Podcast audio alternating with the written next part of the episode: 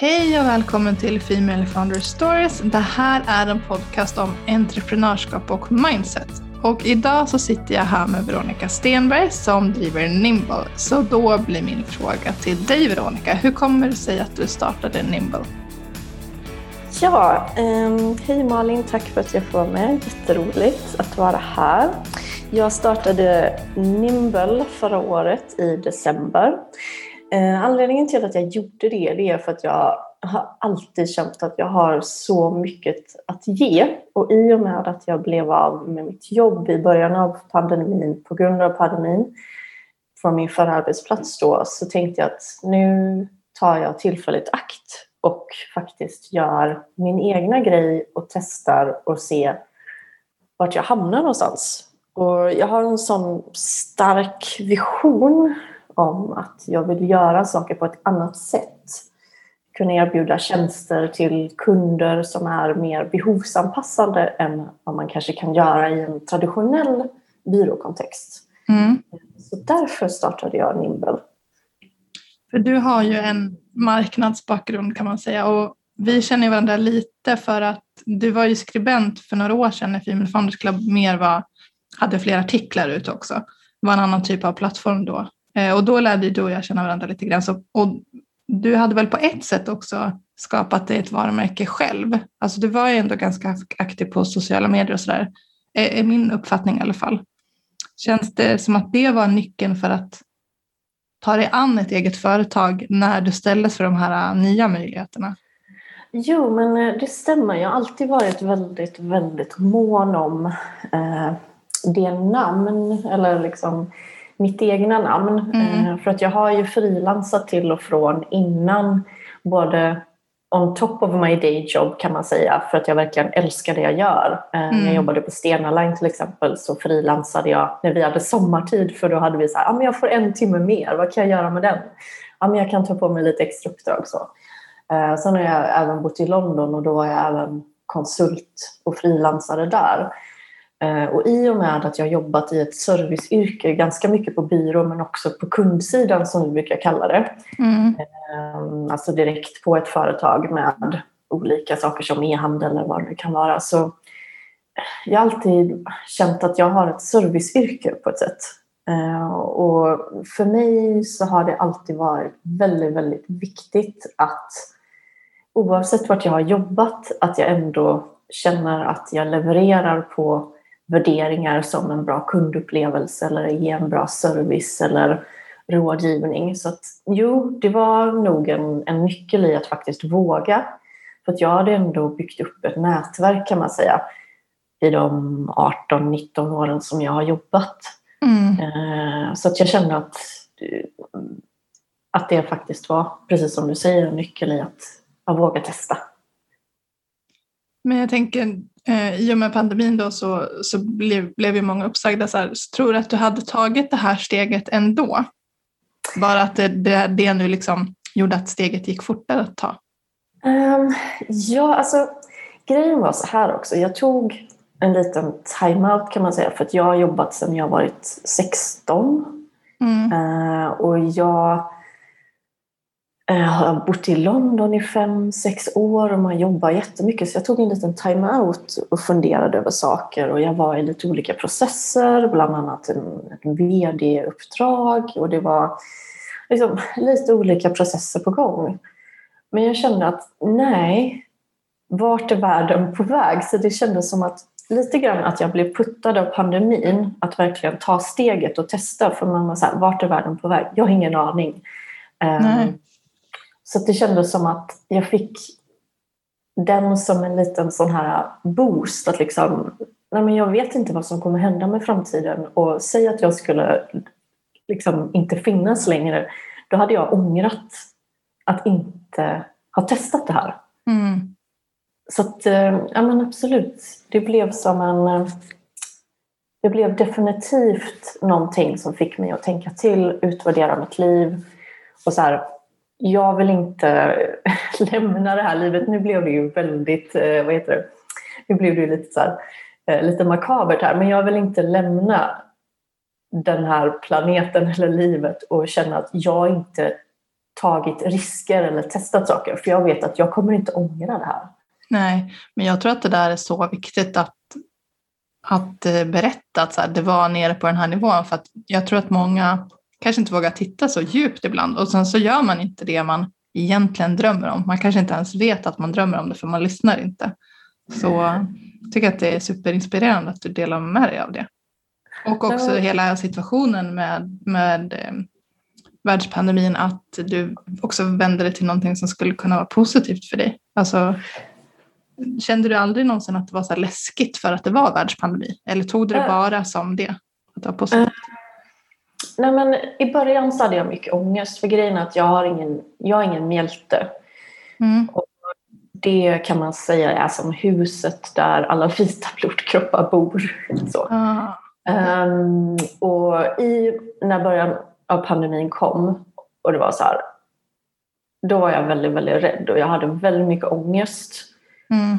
Och, och var så här, jag vet inte vad som ska hända och jag fick min vård i England och det är lite krångligt i Sverige faktiskt när man har fått vård någon annanstans och sådär. Så det är inte så superlätt att komma tillbaks och, och hamna i systemet här för sjuk Mm-hmm. För journalerna följer inte med? Liksom. Nej men precis och det är mm. lite sådär. Men det, det, är lite krångligt. Men man får liksom bara ta sig igenom det. Men i och med att jag inte vet vad som händer och att jag också låg på sjukhus 2019 på grund av att jag hade fått en virusinfektion så blev jag också väldigt, väldigt rädd. Jag var otroligt rädd om jag ska vara superärlig i början. Jag hade mm. jättemycket ångest, vågade inte nästan umgås med någon och, och sådär och mådde inte sådär jättebra. Men sen så fick jag verkligen jobba med det och jag fick vända på hela situationen och så tänkte så här, okej okay, men ja, jag vet inte vad som ska hända. Så det var liksom lite där att jag gick så djupt in i de, liksom, de mörkaste rädslorna och tänkte att nej, jag ska eh, verkligen göra det här. Mm. Jag vill göra min egna grej, jag vill testa. Och skulle jag inte lyckas så har jag ju jättemycket erfarenhet som är jätte eh, värdefull för framtiden. Ja, verkligen. Vad tror du att de här drivkrafterna som du har kommer ifrån? Har du alltid känt Lekte du affär som barn? Liksom, eller?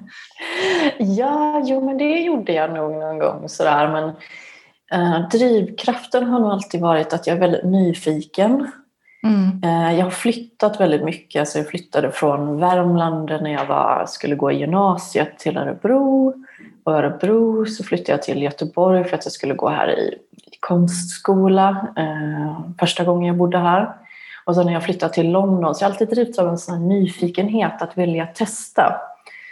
Och sen är det här att jag älskar verkligen det jag gör. Jag tycker att det är så himla roligt att få jobba inom den digitala sfären med digital affär och affärsutveckling och marknadsföring och strategi de sakerna. Men också med, med kunder. Jag har alltid så här, haft en hög passion Eh, så jag tror att både nyfikenheten och den här passionen för att utforska det här eh, digitala mediumet som eh, är så himla roligt för att det ändrar sig hela tiden. Så jag tror, tror att det, liksom, ja, det är nog nyfikenheten och, och passionen skulle jag säga. Mm. Kan inte du berätta lite, du var inne på det, med vad Nimble gör för att du sa att man kan vara ganska låst i, i en byrårelation med en kund och att du vill kunna erbjuda mer så här flexiblare tjänster. Ehm, kan inte du bara dra en liten pitch om vad Nimble gör och vad det är som skiljer dem från traditionella byråer? Jo, ja, men absolut. Um, nej, men min vision är, och lite så som jag har jobbat förut, fast inte lika, inte lika fullt ut, det är att man till exempel har gjort ett strategiuppdrag för en kund Ehm, utifrån hur de ska använda sin digitala närvaro för att uppnå sina affärsmål. Och det som jag hjälper till med ehm, det är ju att ehm, dels ta fram beslutsunderlag för de kunder som behöver till exempel ökad kundinsikt. Och sen så gör jag liksom själva det strategiska, strategiska eh, arbetet för dem med att här, identifiera hur de ska använda sin digitala närvaro och vilka förutsättningar behövs komma på plats för att de ska uppnå sina affärsmål. Och sen när man har gjort det arbetet så finns det en rad olika aktiviteter som behöver hända. Det är liksom, och ofta så är det så att det, många gånger så är det många olika saker som behöver hända samtidigt. Till exempel att man behöver kanske se över hur eh, sina så här, annonseringskonton är uppstrukturerade eller man behöver skapa mer, bättre innehåll som är mer eh, tilltalar kunden i hela deras beslutsprocess mot att göra ett köp av en vara eller en, en tjänst. Mm. Och där eh, så är det ofta så att man är i behov av olika kompetenser vid olika tidpunkter. Så det som skiljer min väl då det är ju att jag istället jobbar med eh, liksom, frilansande konsulter eller strategiska partners och kan ta in dem i uppdrag och team som är handplockade runt kunden beroende på vad de har för behov längs med sin digitaliseringsresa eller förändringsresa eller vad det är nu för resa de behöver göra. Mm. Och, och där, i och med att jag jobbar med andra konsulter, så blir det ju det blir mindre tid som läggs på kanske att det är en, en, intern process för resursbokning till exempel, som ofta måste till när man jobbar på en större byrå. Ah, vilka kompetenser har vi lediga? Vem kan vara med? När kan det här hända?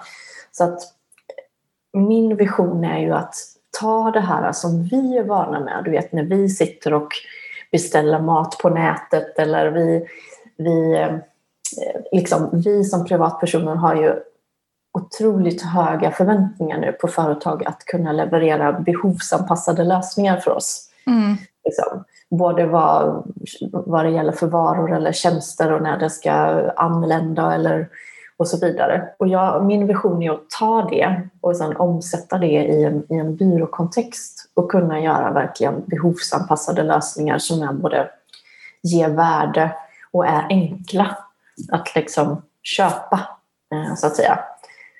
Så att jag jobbar mycket också på det här, hur ser ett upplägg ut? Hur kan man eh, sätta upp ett avtal med en kund som gör att man inte behöver hålla på och estimera hur lång tid någonting ska ta eller det ska liksom skrivas på avtal eller eh, man ska komma överens om saker utan allting ska vara smidigt och enkelt och kunna anpassa sig. Mm. Superintressant ju. Vad tror du är ditt varför i ditt entreprenörskap? Vi kanske redan har touchat på det, men tyckte det var så intressant, alltså dina insikter om varför starta och allting. Så. Um, mitt varför? Alltså, dels så har jag ett personligt varför um, som är att jag känner att jag har nästan känt i varenda jobb jag haft att jag inte får ge 100 procent. Mm. Jag har så mer att ge. Så det är mitt personliga varför. Att jag som har... att du inte har passat i den här fyrkantiga rollen som en tjänstebeskrivning ger, eller? Lite, lite grann, men också ja. att jag har så mycket kunskap och erfarenhet att, att jag verkligen vill... Jag vill kunna så här, kanske pusha på gränser och, och jobba med saker som kanske inte som är mer komplexa. Mm. Som är Ehm, jag drivs av utmaningar. Jag tycker det är kul. Det ska vara så komplext och klurigt. Jag går, går, verkligen igång på det. Så jag känner att jag har så mycket att ge i form av typ kunskap och hjälp. Och, um, liksom jag har en stark, stark um, önskan om att få, få dela det och använda det uh, för att hjälpa andra människor. Men sen dels så har jag också att jag vill förändra byråbranschen och hitta andra sätt att jobba på. Um, ett annat sätt. Liksom. Jag tycker att det är, det är spännande och speciellt den här gig-ekonomin som kommer nu och många vågar kanske vara egenanställda eller vara konsulter. Att man kan göra mycket spännande saker med fantastiska människor mm. uh, som är jätte, jättebra på det de gör. Så intressant ju. Hur skulle en ultimat dag se ut för dig?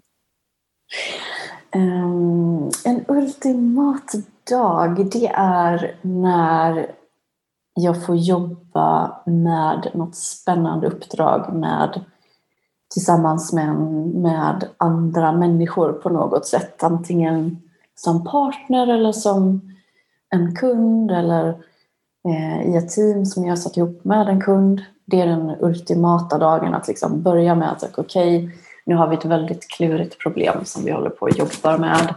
Eh, den innehåller mycket kaffe, eh, utmaningar och andra människor skulle jag säga. Mm. Har du upplevt någon situation där du har tvivlat på om den här idén som du fick kommer flyga och i så fall, så här, hur tog du dig förbi det?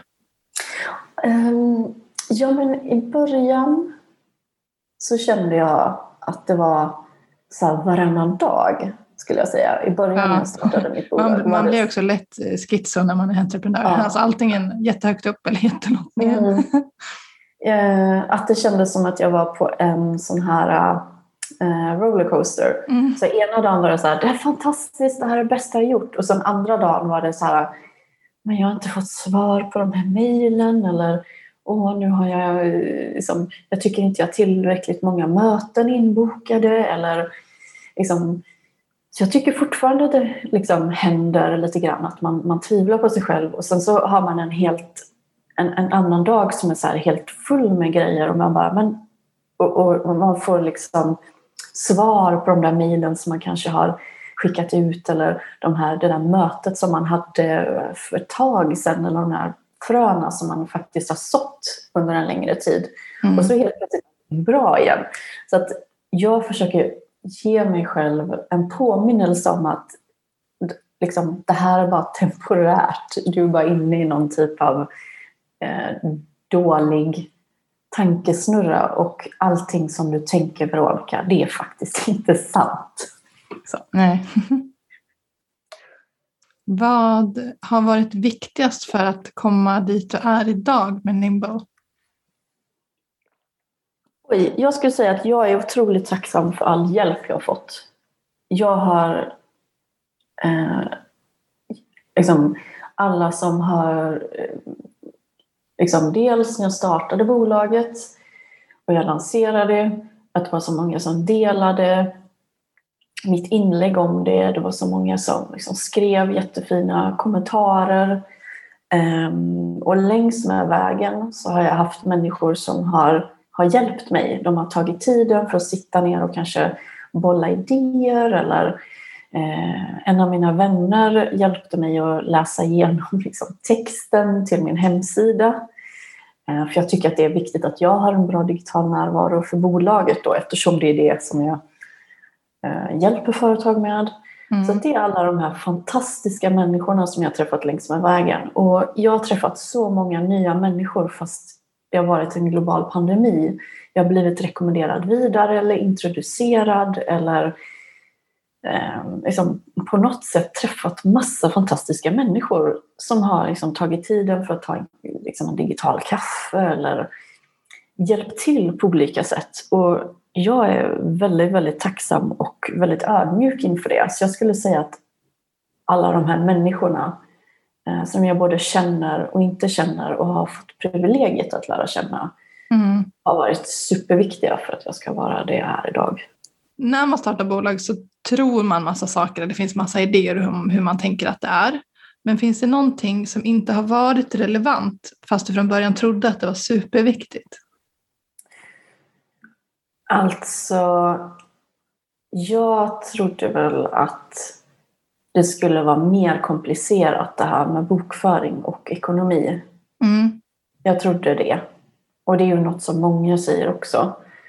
Uh, visst, det är ju lite att sätta sig in i. Men jag har ändå en ekonomisk bakgrund från att ha jobbat som projektledare under så många år. Så jag kände att det var inte så svårt som man har målat upp i huvudet, att det är så komplicerat.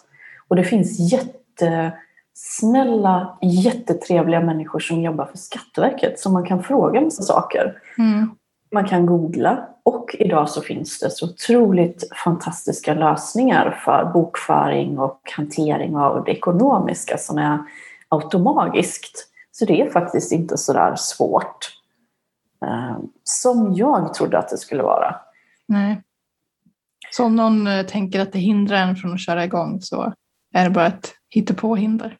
Ja men precis, jag tycker inte det ska låta det stå i vägen för att liksom, eh, bara man har bra rutiner. Så att jag googlade mycket, jag skrev upp en lista på saker och jag lär mig nya saker hela tiden, absolut, och lägger till på den listan. Men jag tycker inte att det, det ska hindra en för att det är inte så komplicerat. Och, och man kan ju faktiskt ta hjälp av någon annan också med det. Så att, mm. um, Nej, och Skatteverket har gjort det väldigt enkelt. Till exempel man kan ha det bokföringssystemet jag har. Jag bara drar ut och exporterar filer och laddar upp på Skatteverket. Så jag tycker inte alls att det är, det är så svårt. Nej.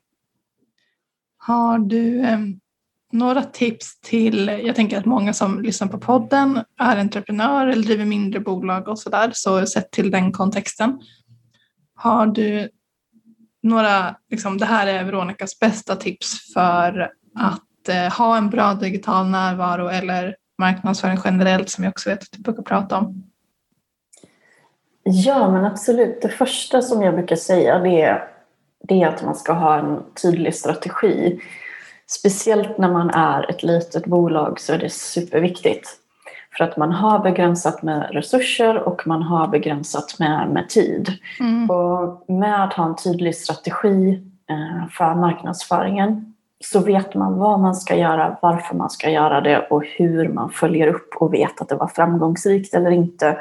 Eller om man behöver testa någonting nytt. Så det är det första tipset, att verkligen vara supertydlig i sin strategi. Och det behöver inte vara något jättestort utan det kan vara en one-pager med eh, som man sätter ihop liksom, mm. och sätter upp den på väggen. Sen så är mitt andra tips det är ju att säkerställa att man har de här sakerna eh, som Google Analytics och eventspårning och sådana saker på plats på sin hemsida.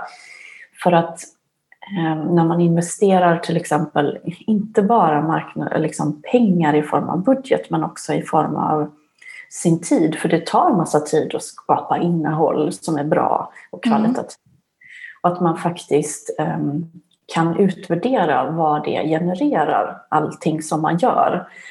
Och det tycker jag är liksom A och O, att kunna liksom ha den här grund, grundstrukturen på plats med Google Analytics och Google Tag Manager, för då vet man vad gör kunden på sajten, eh, man vet om till exempel den där eh, kampanjen som man gjorde på LinkedIn eller vad det nu kan vara för kanal. Om det faktiskt gav till exempel ett köp eller ett, att någon fyllde i ett formulär och det blev ett lead. Sådär. Och då kan man göra mer av det som fungerar och mindre av det som inte gör det. Um, sen är det ju det här med att tänka efter uh, lite grann på Eh, att kanske hellre då om man är ett mindre bolag koncentrera sig på några få eller en eller två kanaler för att bygga upp en närvaro där och göra det bra istället för att ha kanske tio olika kanaler och göra det halvbra mm. i de olika kanalerna. Um, och sen så skulle jag också säga att liksom, det kanske inte låter så sexigt nu när det finns sociala medier och sådär, men, att, men man ska inte underskatta e-post. Liksom. Nej, nej, alltså e-postlista också generellt är ju något jag är stort fan av. Alltså, mm. och, och, och, också hör av sig via e-mail såklart. Men mm. det känns också som att det är lite, finns mycket kvar att hämta i Sverige kring det. Medan man kanske i USA är längre fram. Ja, men um, jag brukar titta på USA och England till exempel för att hämta inspiration till mm. Eh, liksom, vad är det som kommer, vad är det för trender? Både i form av beteende men också i form av liksom, vart är eh, vart är liksom, marknadsföringen på väg? Eller vad är, det, vad är det senaste? Eller hur beter sig människor? Eh, för då kan man få en liten fingervisning om vad är det som sannolikt kommer också hända i Sverige. Mm. Men även fast vi är väldigt långt fram digitalt kanske i och med att vi har liksom bredband och alla de sakerna, fiber och sådär installerat så har vi, vi är inte riktigt det första eh, landet som till exempel Facebook eller Google eller LinkedIn rullar ut nya eh, eh, features i sina plattformar mm. på. Utan det händer ofta på andra marknader först. USA och, och till exempel England för att de är så, så pass stora. Mm. Och vi i Sverige vi brukar få det lite senare. Smart eh, tips att titta lite över havet sådär. Ja, precis. Och sen också titta på hur andra branscher gör och inte bli så blind kanske på sin egen bransch. Mm. Jag tänker när du startade i december, hur fick du mm, dina första kunder? Um, dels så var det så att jag var i den väldigt bra situationen om att jag hade för detta kunder som gick och ryckte i mig och bara så här, kom igen. Ja, det är tacksamt. det, det är tacksamt. Men dels så var det också att eh, på mitt... Jag, jag lanserade med ett inlägg på LinkedIn som var väldigt personligt, eh, som delades väldigt mycket och fick väldigt mycket uppmärksamhet av, kommentarer och eh, delningar och sådär. Så där fick jag en av mina första kunder som också var en gammal kund sen tidigare som frågade om eh, hon fick boka ett möte för mig, med mig för rådgivning då. Mm. Um, så dels så var det kontakter och dels så var det ja, att finnas på LinkedIn och synas och säga hej, nu finns jag, jag erbjuder det här och jag vill kunna få hjälpa dig. Liksom. Mm. Så det var tidigare kontakter och LinkedIn. Um, så. Har du känt att alla har förstått ditt livsval att bli entreprenör? Nej.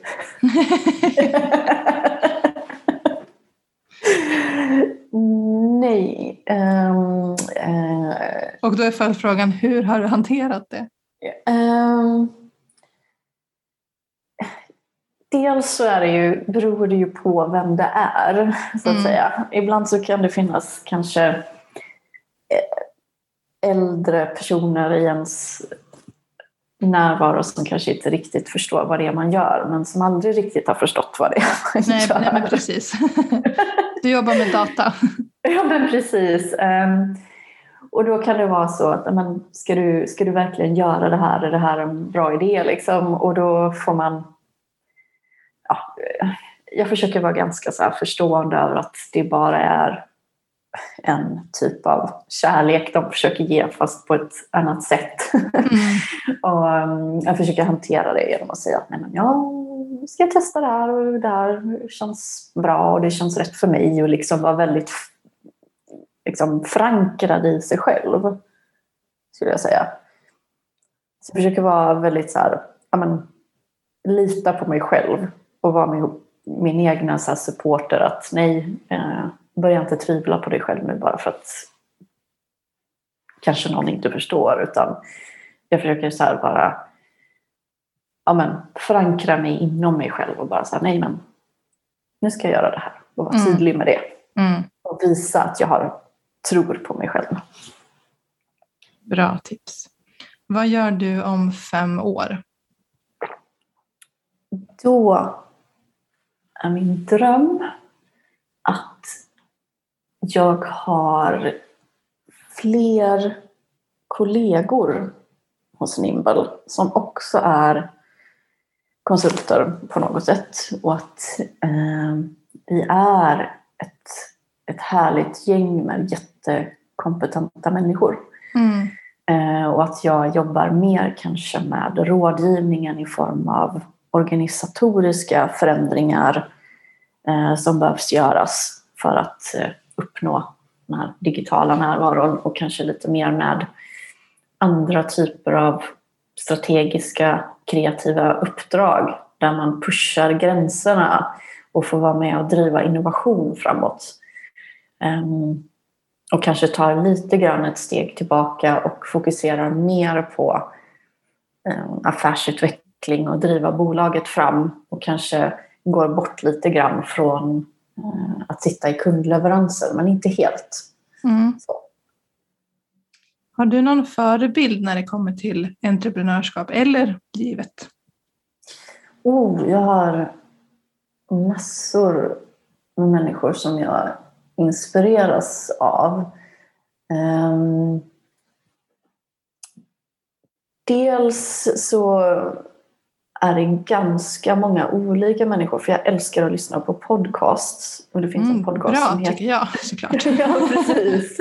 Nej, men podcast är jättebra. Jag tycker om att lyssna på människor och människors livsresor och öden. Mm. Och en, en podcast som jag tycker jättemycket om är Elevate. Mm. Eh, och det känner inte jag till. Den, eh, det är en Eh, Robert Glazer heter han som intervjuar olika människor.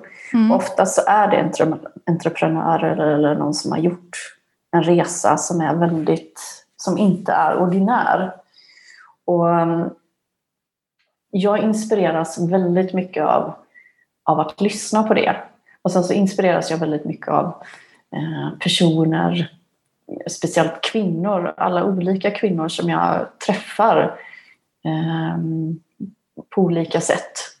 Så att jag har väl kanske inte riktigt en så specifik person som jag inspireras av utan det är ganska många olika. Jag älskar verkligen att lyssna på ja, typ podcasts eller eh, till exempel personer som jag känner som har startat egna företag eller sådana som jag inte känner som har startat egna företag som man kan titta på på LinkedIn eller sådär. Mm.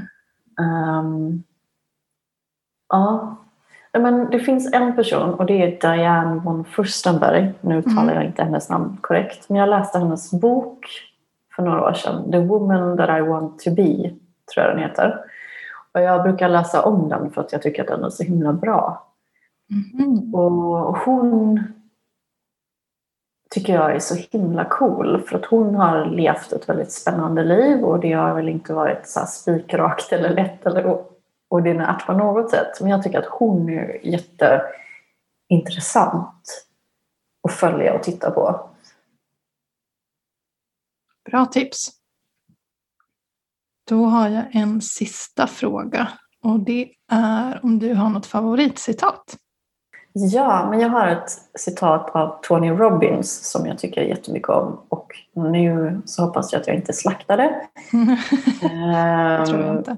Men det är uh, Don't fall in love with your products, fall in love with your customer. Och det är ett av mina favoritcitat för att jag älskar verkligen um, att göra det jag gör och jag gör ju det för kunderna som jag jobbar med men också kundens kund. Mm. Uh, och jag tycker att det är så himla sant, speciellt nu i den här uh, digitala eran uh, då vi har höga förväntningar och sådär. Att det är ju faktiskt kunderna som vi gör det här för. Vad bra citat och knyter ju an superfint till det du gör också, verkligen.